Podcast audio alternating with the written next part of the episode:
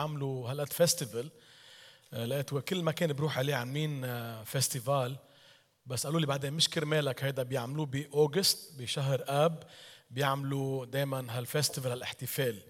بس نشكر ربنا عندنا احتفال آخر بالكنيسه هون لثلاث أيام.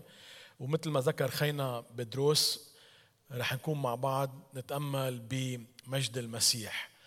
واهلا وسهلا فيكم. مبسوط شوف أشخاص بعرفهم. آه، وفرحان نشوفكم آه، وأشخاص آه، تعرفت عليهم. أنا بجي على السويد تقريبا سنويا. عائلتي أهلي عايشين بالسويد من سنة 1990 صار لهم 32 سنة قاعدين ب Jönköping så jag pratar svenska lite jag är duktig مين سون ار كناب كيفن كناب بنبسط هذا البلد وبشكر رب من أجل الكنائس والمؤمنين الموجودين في كل مكان. يسوع طيب يسوع صالح. طيب إذا بتفتحوا بليز الكتاب المقدس جينا نسمع كلمة الله. طبعا هذا الأهم. مش جاي نسمع لإنسان لكن لكلمة الله. من رسالة كورنثوس الأولى والإصحاح الأول.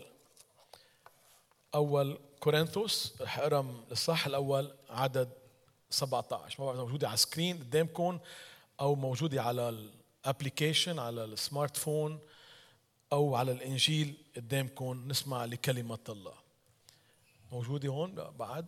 فيكم تسمعوا بقول لأن المسيح لم يرسلني لأعمد بل لأبشر. هكذا يقول بولس الرسول. مش يعني المعمودية ليس لها قيمة لكن دعوة الرب لبولس هو أن يبشر يعلن الخبر السار عن موت وقيامة المسيح. لأبشر لا بحكمة كلام لئلا يتعطل صليب المسيح. لنكرز بالحكمة البشرية لئلا يتعطل صليب المسيح. فأن كلمة الصليب عند الهالكين جهالة. وأما عندنا نحن المخلصين فهي قوة الله. ناس بيضحكوا على الصليب. طبعا مش الكل البعض تكرز لهم بالمصلوب إن هو يخلصك فلو استطاع أن يخلص نفسه على الصليب لكان يخلصني. البعض يعتبرها جهالة ويعثر بالصليب. لكننا كمسيحيين مؤمنين نفتخر بالصليب. الصليب افتخارنا ليس كعلامة لكن الصليب الذي مات عليه يسوع المسيح. كل ما نظرنا إلى الصليب نتذكر ما فعله الحبيب يسوع. فنفتخر بالصليب. حاشا لي أن أفتخر إلا بصليب ربنا يسوع المسيح. لا نفتخر بطائفتنا ولا بعائلاتنا ولا بكنائسنا ولا بهويتنا ولا ببلدنا لكن نفتخر بالصليب فأن كلمة الصليب عند الهالكين جهالة وأما عندنا نحن المخلصين فهي قوة الله لأنه مكتوب سأبيد حكمة الحكماء وأرفض فهم الفهماء أين الحكيم؟ أين الكاتب؟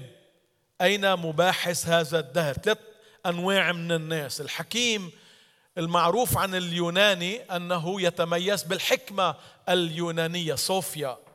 عنده الحكمة وكان يظن أن بحكمته يستطيع أن يعرف الله. وفكر أنه مشكلة الإنسان الجهل. فأراد أن يتعمق في المعرفة لكن خاب عن ظنه أن مشكلة الإنسان ليست الجهل ولا المعرفة تحل مشكلته لأن مشكلة الإنسان هي الخطية. ونحتاج إلى من يخلصنا منها. أما الكاتب فهو الشخص المعلم الشريعة السكرايبس أشخاص اللي بيعرفوا الشريعة. المتدينون يظنون أنهم بالتقوى بممارسة الطقوس الدينية بيقدروا يوصلوا لعند الله. بصوم بصلي عندي التسعوية أو بصلي خمسين مرة سبعين مرة أنا بطلع على السماء. هؤلاء ممثلين بالكاتب مباحث هذا الدهر المجادل. الشخص اللي عنده فلسفة وبيحاول يحاجج الحكيم والكاتب والأشخاص يقنعهم بفلسفته بهيدي الحياة. عم بيقول الكاتب بالروح القدس أين هؤلاء الحكماء؟ أين هذا الكاتب؟ أين هذا المجادل؟ ألم يجهل الله حكمة هذا العالم؟ لأنه إذ كان الله في حكمة إذا كان العالم في حكمة الله لم يعرف الله بالحكمة استحسن الله أن يخلص المؤمنين بجهالة الكرازة. لأن اليهود يسألون آية واليونانيين يطلبون حكمة ولكننا نحن نكرز بالمسيح مصلوبا لليهود عثره ولليونانيين جهالة. وأما للمدعوين يهودا ويونانيين فبالمسيح قوة الله وحكمة الله لأن جهالة الله أحكم من الناس وضعف الله أقوى من الناس. مش المقصود أن الله عنده جهالة.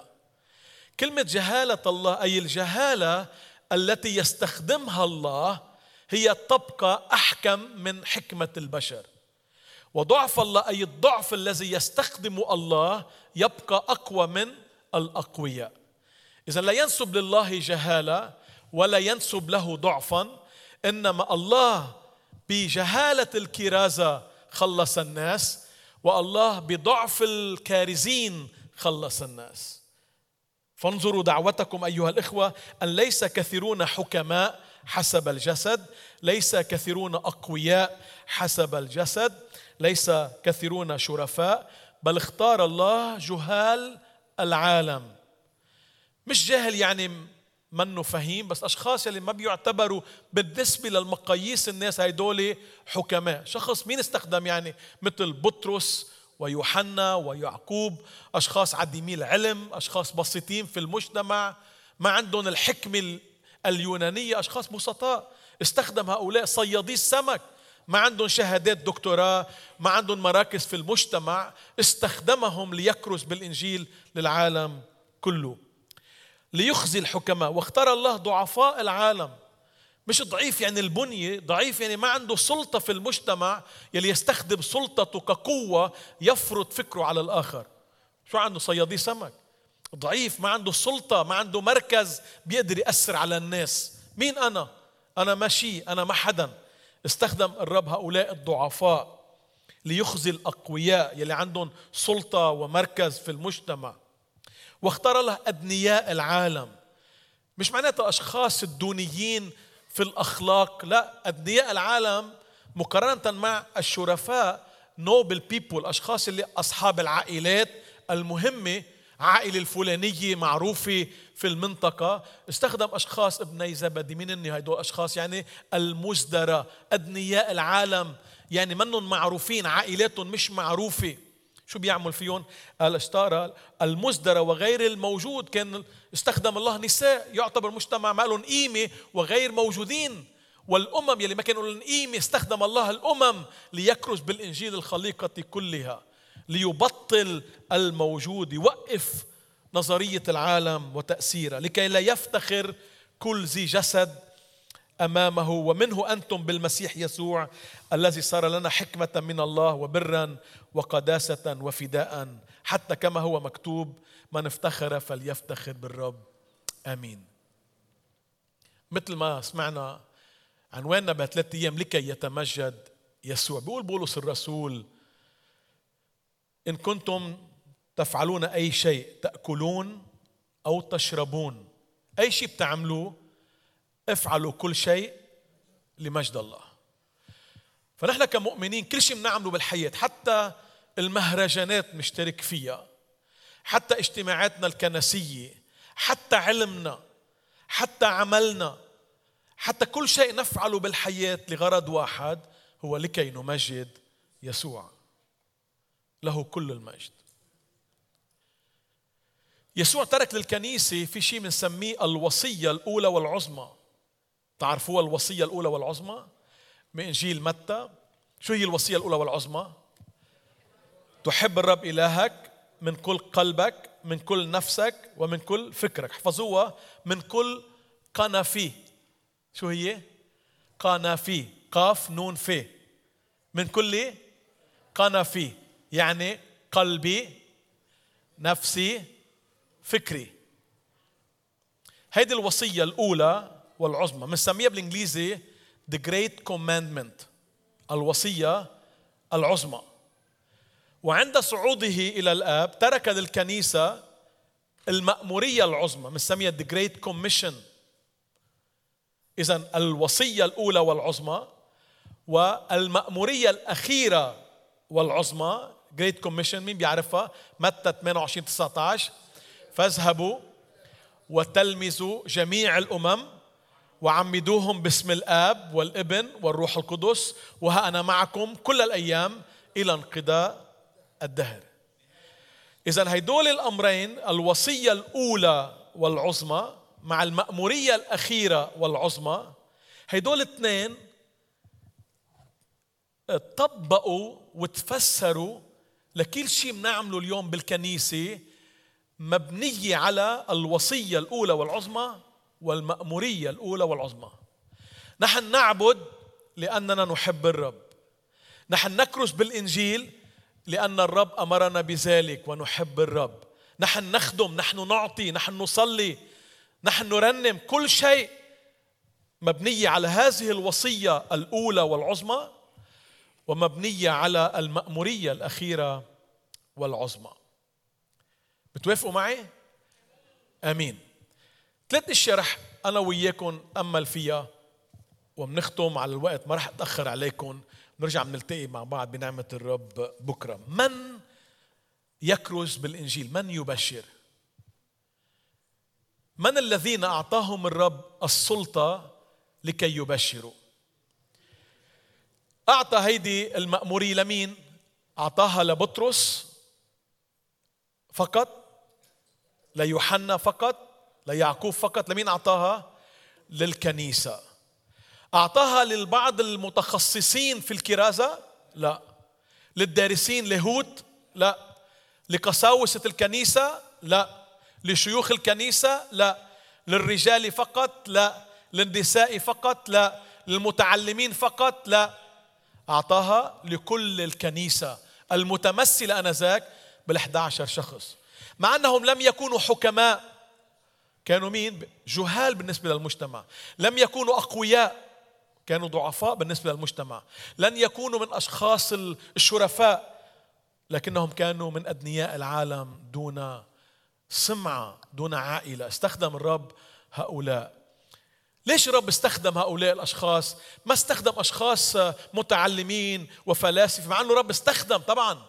مش معناتها المتعلم لا يستخدم الرب مش معناتها اللي عنده شهادات لا يستخدم الرب.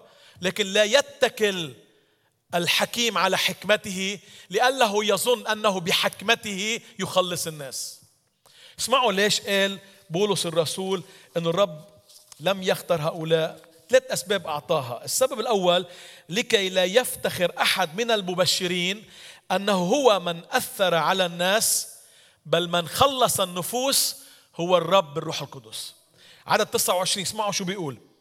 بقول واختار الله أدنياء العالم والمزدرى وغير الموجود ليبطل الموجود لكي لا يفتخر كل ذي جسد أمامه. مش بكرة أنا رحت لبرا وخبرت واحد عن إنجيل ربنا يسوع المسيح وطلب الرب وتغيرت حياته تطلع تفتخر أنا اللي قنعته. قديش مروا قدامي ناس وحاولوا يقنعوه وحاولوا يغيروا فكره ما حدا قدر. أنا. شو أنت مين؟ بأي حكمة؟ هذا عمل الروح القدس. بجهالة الكرازة.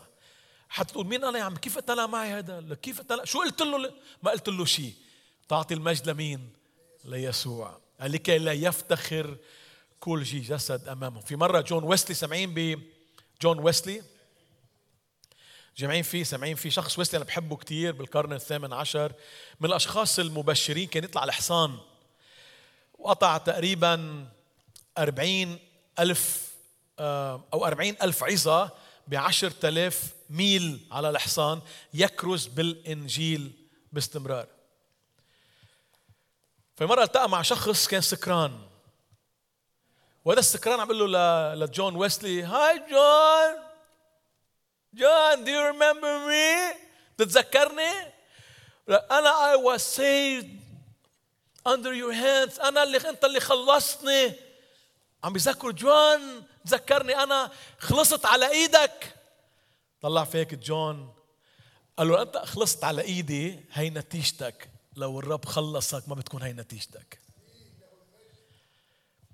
إذا مفكر أنا اللي خلصتك هيدي نتيجتك. إذا البشر يلي خلصوك نتيجتك مثل هيدا السكران يا معتر لكن عندما الرب هو الذي يخلصك بالروح القدس يكلم قلبك يكشف خطاياك ويريك جمال محبته على الصليب تأتي إليه خاشعا تقول له يا رب ارحمني أنا الخاطي عندئذ تتغير وتصبح خليقة جديدة في المسيح. الأشياء العتيقة قد مضت هو ذا الكل قد صار جديدا. أي حكمة بتخلص هيك بشر؟ أنا فيني غير بشر؟ لك أنا مرتي ما فيني غيرها. لك أنت ما فيك تغيري جوزك. لك ما فينا نغير أولادنا. ولا فينا نغير أهلنا. لكن الرب قادر أن يغير البشر. والسبب الثاني اللي بيعطيه بولس لكي لا يبنى إيمان البشر على كلام بشر وحكمة البشر وتأثير بشري. قال لي ألا يتعطل صليب المسيح. فإذا أنا إيماني مبني على القسيس بكرة القسيس بيتغير بكرة القسيس بيرتد بيترك إيمانه أنا راح إيماني. إذا القسيس عمل هيك أنا شو بعمل؟ بترك الإيمان. لأنه إيمانك مبني على كلام بشر إيمانك مبني على تأثير بشر البشر يتغيرون إيمانك يتغير. قال لكي لا يتعطل صليب المسيح. نحن نكرز بمين؟ بيسوع المسيح ربا المصلوب. وثلاثة لكي يخزي الأقوياء والحكماء وليبطل الموجود. إذا ليش الرب اختار صيادي سمك وأشخاص عاديين؟ ما عندهم شيء يفتخروا فيه. لا عندهم لقب ولا عندهم سلطة ولا عندهم علم. بيعرفوا التغيير اللي عملوه بالعالم هو تغيير من الروح القدس. النفوس رح تخلص بالنور شوبينج ورح تخلص بالسويد وبأوروبا. ليس بحكمة بشرية. لكن لأننا نكرز بيسوع المسيح ربا. فالرب رح يستخدمكم لكن كل مرة يستخدمك الرب قول بشكرك يا رب. من أنا؟ لتستخدم آنية ضعيفة لتخلص. بتشوف بتفرح بتشوف كيف الرب عم يشتغل بهيدا الإنسان اللي شفته يوم من الأيام بعيد عن الرب عايش في الظلم والخطية. الآن أصبح جديدا قديسا في المسيح. بتقول له شكرا يا رب. من أنا استخدمت عبدك. أمين؟ إذا من يستخدم الرب يستخدم كل واحد. أنت بتصدق أنه الرب قادر يستخدمك؟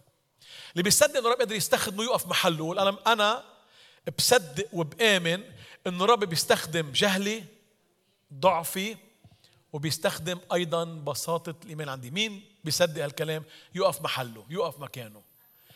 واللي مش مصدقين الرب يفتح قلوبكم وتصير تصدقوا باسم يسوع. آمين تفضلوا معي. حيتصدقوني الرب يستطيع أن يستخدمكم لأن العمل ليس عملكم هو عمل الرب. الأمر الثاني بمن نبشر؟ بدنا نطلع على نورشوبينج. بشو بدنا نخبرهم؟ تعالوا للكنيسة الإنجيلية هي أحسن طائفة موجودة. لا نكرز بطائفة إنجيلية ولا بأي طائفة مسيحية. نحن نكرز بشو بيقول لهم؟ لاحظوا شو بيقول لهم بيان نبشر؟ قال عدد. فأن كلمة الصليب عند الهالكين جهالة وأما عندنا نحن المخلصين فهي قوة الله. لكننا عدد 23 نحن نكرز بالمسيح مصلوبا لليهود عثرة ولليونانيين جهلة نحن لا نكرز بطائفة ولا نريد للناس يعملوا إنجيليين. هناك الكثير من الإنجيليين لا يعرفون يسوع. هناك الكثير من المسيحيين لا يعرفون يسوع. وهناك الكثير من الأوروبيين مسيحيين وغير مسيحيين لا يعرفون يسوع ويحتاجون أن يسمعوا عن المصلوب. لكي يعلم الجميع أن يسوع يحبهم. يحب الجميع يحب الخطاة. يحب المزدرى وغير الموجود بحب المغموس بالخطية. أحب المرأة الزانية التي أمسكت بالجرم. قال لها اذهبي ولا تخطئي الرب حررها الرب يسوع بحبك. مثل ما أنت لك جوزك ما عم بحبك بس هو يسوع بحبك. لك مرتك ما عم تحبك. بس يسوع بحبك. أهلك ما بيحبوك بس يسوع بحبك. المجتمع ما عم بيقبلك يسوع بحبك ولأنه بحبك وبيحبك. ماذا فعل يسوع؟ قال أسلم نفسه على الصليب. تعرفوا اللي جذبني أنا الإيمان المسيحي؟ أنا كنت عايش بالخطية لفوق راسي. ابني بيعرف هالشيء مين صن بيعرف هالشيء كيفن قبل ما يخلق. أنا طبعا مش مثل سليمان بس كنت بحبكم مثل سليمان. كل ما اشتهته عيناي لا أمنعه عنهما. ما كان عندي ألف أمرأة بس كنت حب يكون عندي ألف علاقة. كنت حب يكون عندي مركز وجربت كل شيء بالحياة إلى حد ما. أنا لو كان عمري بالطعشات عمري 12 13 سنة كنت أصرف أنا على البيت مصاري. كنت بيع جرايد كان عمري 11 12 سنة. أيام الحرب 78 وعيش عائلتي كنت سوق عندي مرسيدس لبيي كنت سوق على ميلة اليمين حط اجري على ميلة على ميلة الشمال على البنزين ما في حدا ورا steering wheel ولا الدركسيون وتسوق سيارة لوحدها تأجذب الصبايا ويطلعوا علي. عملت scuba diving غطس تحت المي. عملت ski. عملت disco jazz عملت معهد ميشيل قرش على الجيتار. جربت كل ما هو في الحياة. كنت مبسوط. بس كنت اسأل دائما نفسي خيي توفى عمره 17 سنة بالحرب متت مات ما شفته دفنوه ما شفته. قلت وين راح خيي؟ أنا بس موت وين رايح. بعدين حدا خبرني بعد ما أمي تعرفت على يسوع وخبروني عرفت إنه يسوع بحبني ومات على الصليب. أنا كان عمري 21 سنة عايش بالخطية.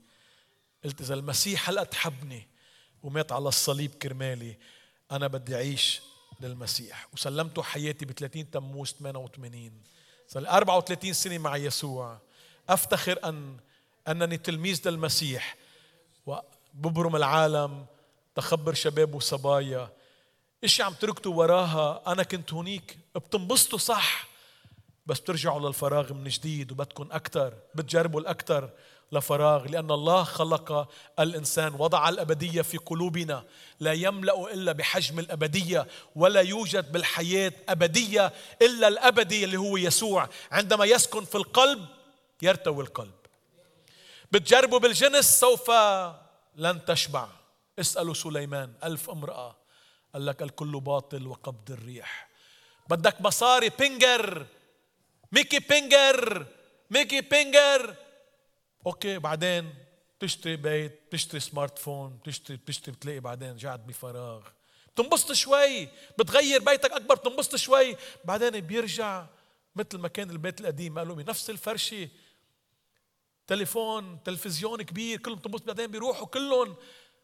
عم تبحث عن الفرح والسعادة لن تحصل عليه إلا بيسوع. عم عن اختبار سليمان. الكل باطل وقبض الريح. اسمع ختام الأمر كله. اتق الله واحفظ وصاياه هذا هو الإنسان كله. بمن نبشر؟ بشو بدك تبشر؟ بيسوع. روح قول للناس يسوع بحبك. وقول لهم توبوا وآمنوا بيسوع.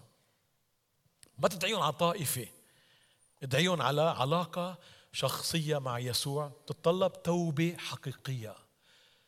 أنا غلطت يا رب والخطية خاطئة جدا. الخطية أصلبت يسوع. بترك خطاياي عند الصليب يصنع مني إنسانا جديدا. فالرب غيرني ودعاني للخدمة وتركت كل شيء وخدمت الرب يسوع المسيح. بس انتبهوا معي نحن عم نبشر لثلاث أشياء. لا نغير بالأخبار السارة لنتحاشى من الأمور الضارة. إذا أنت بدك تخبر الأخبار السارة وعم تضطهد وعم تنضر بسببها ويعزلوك الناس صرت إنجيلي وواحد منهم بتقوم بتغير فيها. لا نغير بالأخبار السارة لنتحاشى الأمور الضارة. اثنين أيضا لا نغير الإنجيل ليكون مقبول لهذا الجيل. بتقول يا عم الشباب والصبايا تقول لهم على الكنيسة تعوا توبوا وقفوا زنا وقفوا سرقة. وقفوا علاقات غير سوية ما حدا بيجي على الكنيسة ما يجوا. إذا اليوم طبيب بده يعالج الناس بالسرطان والناس كلها مع سرطان بيقول لهم ما بدي أخبركم معكم سرطان حتى ما يعالجهم ولا له معك سرطان بس عندي علاج. لا تغير بالإنجيل ليكون مقبول لهذا الجيل.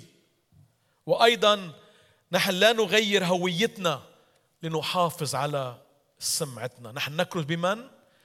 بيسوع المسيح. ربا وبأنفسنا عبيدا لكم لأجل المسيح. أنا بغسل لك إجرك. أنا بخدمك. بس حب يسوع وعيش للمسيح اللي حبك ومات كرمالك. ما في شيء بالحياة. هربتوا أو تركتوا بلادكم وجيتوا لهون طبعا يمكن حياة أفضل. بس كونوا صادقين مع أنفسكم. فرحانين من جوا. لأنه صرتوا بمكان أفضل.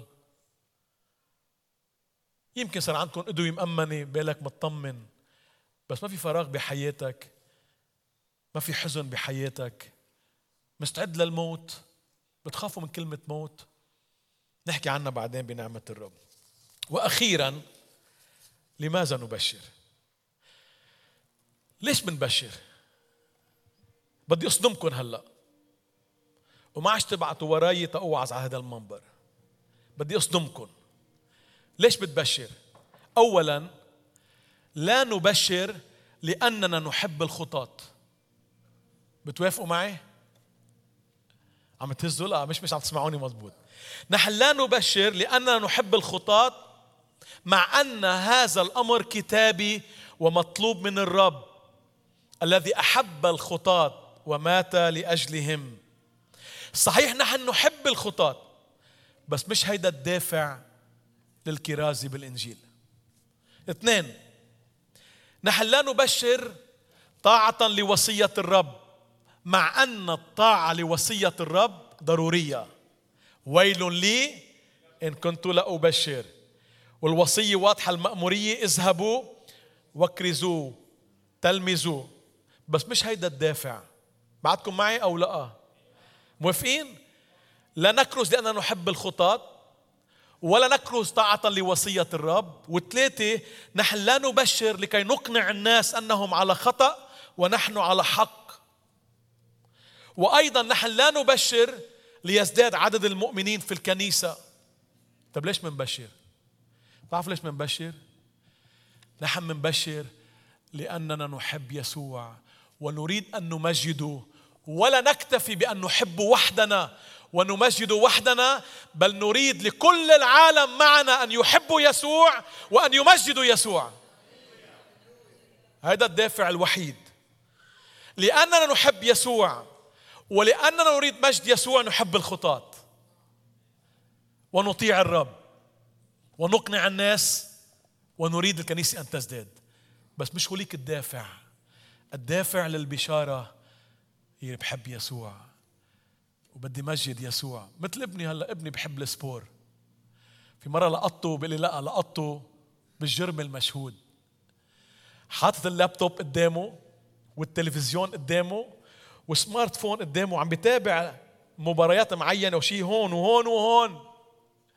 وبيحاول يقنع اللي حواليه بالفريق اللي بيحبه وباللاعب اللي بيحبه ليه؟ شو بيطلع له منهم؟ لأنه بيحبه بيحبه بيقنع الناس كله بالفريق اللي بيحبه باللاعب اللي بيحبه.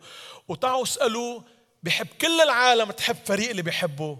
ويمجدوا كلهم اللاعب يلي هو بمجده الحب. ليش بنبشر؟ مش لأنه بيعطونا مصاري. مش لأنه بيزيد عشور الكنيسة. بنبشر لو بنحب يسوع. ولأننا نريد مجد المسيح ولا نكتفي نحبه وحده. ونمجده وحده. بدنا كل نور شوبينج بدنا كل السويد. بدنا كل أوروبا. بدنا كل الشرق الأوسط. بدنا كل قارة آسيا أمريكا أفريقيا. كل العالم يحب الذي أحبنا وأسلم نفسه على الصليب لأجلنا. وأن يمجدوه to give all the glory to Jesus. And Jesus only. آمين. يسوع يسوع وحده. بختم معكم بسمعين ب ويليام بوث. هذا مؤسس جمعية الخلاص بريطانيا سنة 1829 ل 1912 عمل سالفيشن ارمي بيقول هالكلمات بيقول المخاطر الرئيسية الأساسية بالقرن الآتي اللي صار الحالي كان عم يحكي 1900 وشوي عم بيقول أن المخاطر الرئيسية الأساسية بالقرن الآتي هي ديانة بلا روح قدس مسيحية بدون المسيح غفران بدون توبة خلاص بدون تجديد وسماء بدون جهنم. رح أرجع عيد. كان اللي خايف منه ويليام بوث عم يحصل هالأيام. قال يصير في ديانه ما فيها روح قدس. مسيحية بدون المسيح. غفران بدون توبة. خلاص بدون تجديد سماء بدون جهنم. ويتابع ويقول أن البعض شغفهم في الحياة هو المال والبعض الآخر الفن والشهرة. وأما شغفي هو خلاص النفوس. بختم معكم بآيات كتبها بولس برومية تسعة. بليز اسمعوا هيدي الكلمات. وأرجو تكون قلبك كقلب بولس الرسول. تطلع لبرا اليوم وتفكر بشعبك اللي بسوريا أو بلبنان أو بالعراق أو بالسويد أو بأي مكان أنت فيه أهل المنطقة والعالم. اسمعوا شو بيقول بولس برومية تسعة. أقول الصدق في المسيح لا أكذب. لأنه الكلام اللي رح يقوله ما حدا رح يصدقه. لذلك مسبقا عم بيقول لهم صدقوني اللي عم بحكيه هو الصدق. لأنه مش رح تصدقوني. أقول الصدق في المسيح لا أكذب وضميري شاهد لي بالروح القدس. رومي تسعة واحد. إن لي حزنا عظيما ووجعا في قلبي لا ينقطع. ليش هالوجع؟ ليش عندك حزن؟ قال فأني كنت أود لو أكون أنا نفسي محروما من المسيح. لأجل إخوتي أنسبائي حسب الجسد. فيك تقول يا رب أنا مستعد أهلك بس خلص عيلتي. خلص قرايبيني خلص زوجتي خلص زوجي خلص اولادي خلص أهلي ما يهلكوا يبكي. يتوجع بده الناس كلها تخلص. صدقوني اللي عم يسمعوني اليوم يسوع في قلبه وجع حزين عليك إذا بعد ما بتعرف خلاصه. عنده وجع في قلبه يريد للكل أن يكون لهم نصيب في الملكوت مع المسيح. آمين. ننحني أمام الرب للصلاة.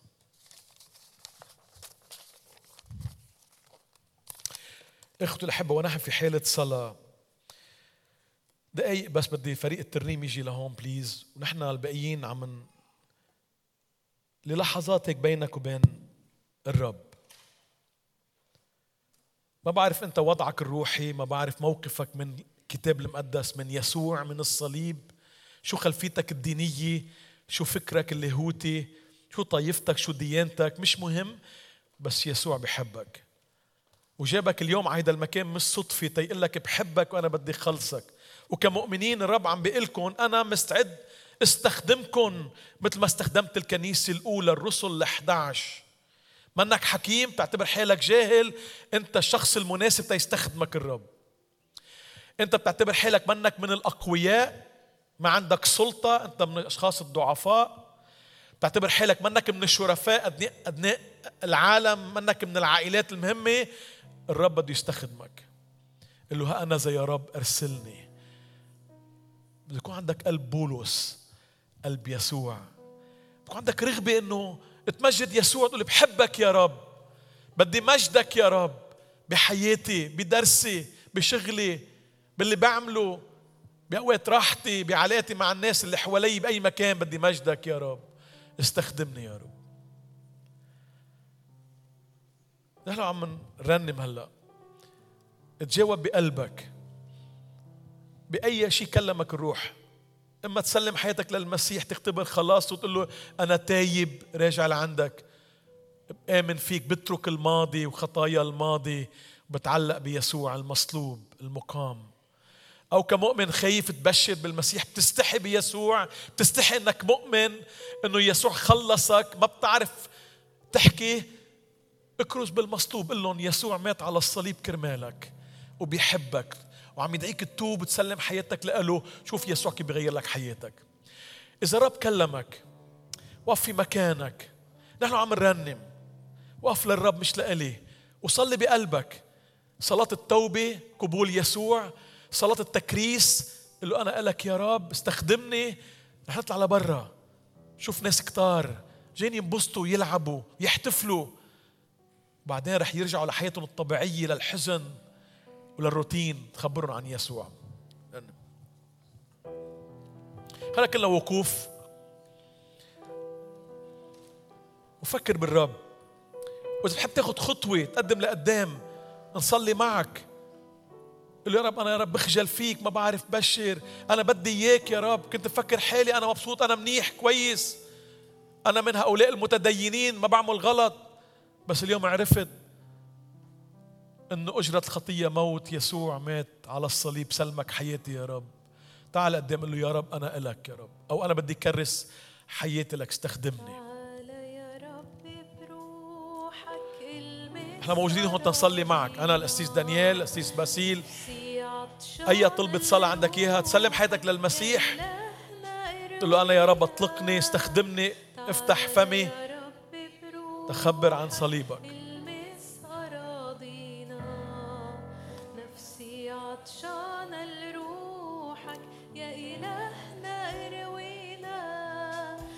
نشوف حقك وبلدنا بتباركك.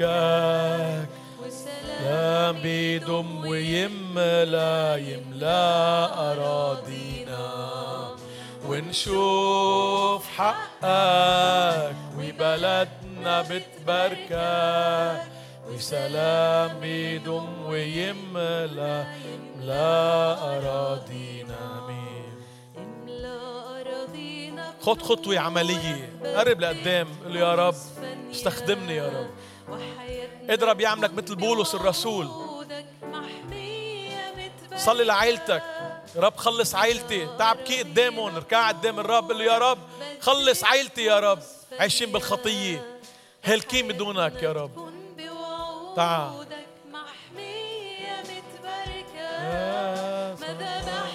حتعلي آمين يا رب. آمين. آمين. تعال صلي لعائلتك. آمين يا رب. إلهنا المبارك شكرا لك يا رب. استخدم خيي لمجدك خلص. عائلته اهله شعبه افرحنا غمرنا تعرف اللي بقلبه اجعله بطل. غير شكل اجعله بولس رسول. بحياتنا قادر يا رب. تشتغل بحياة بولس تخدم حياة خي الحق ملينا. ونباركك جيل ورا جيل.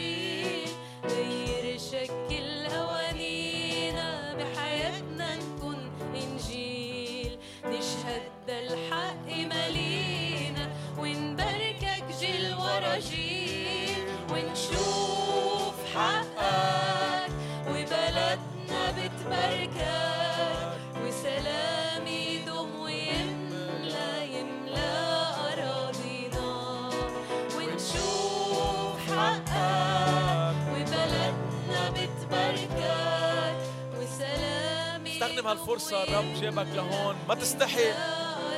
تاخذ موقف علني قدام الرب قل له أنا يا رب استخدمني أنا ضعيف بخاف خجول لكن قادر استخدمني يا رب. آمين. تعالوا صلوا للرب. آمين. آمين. آمين. رب يبارككم. آمين. هللويا. شكرا من أجل خيي دانيال.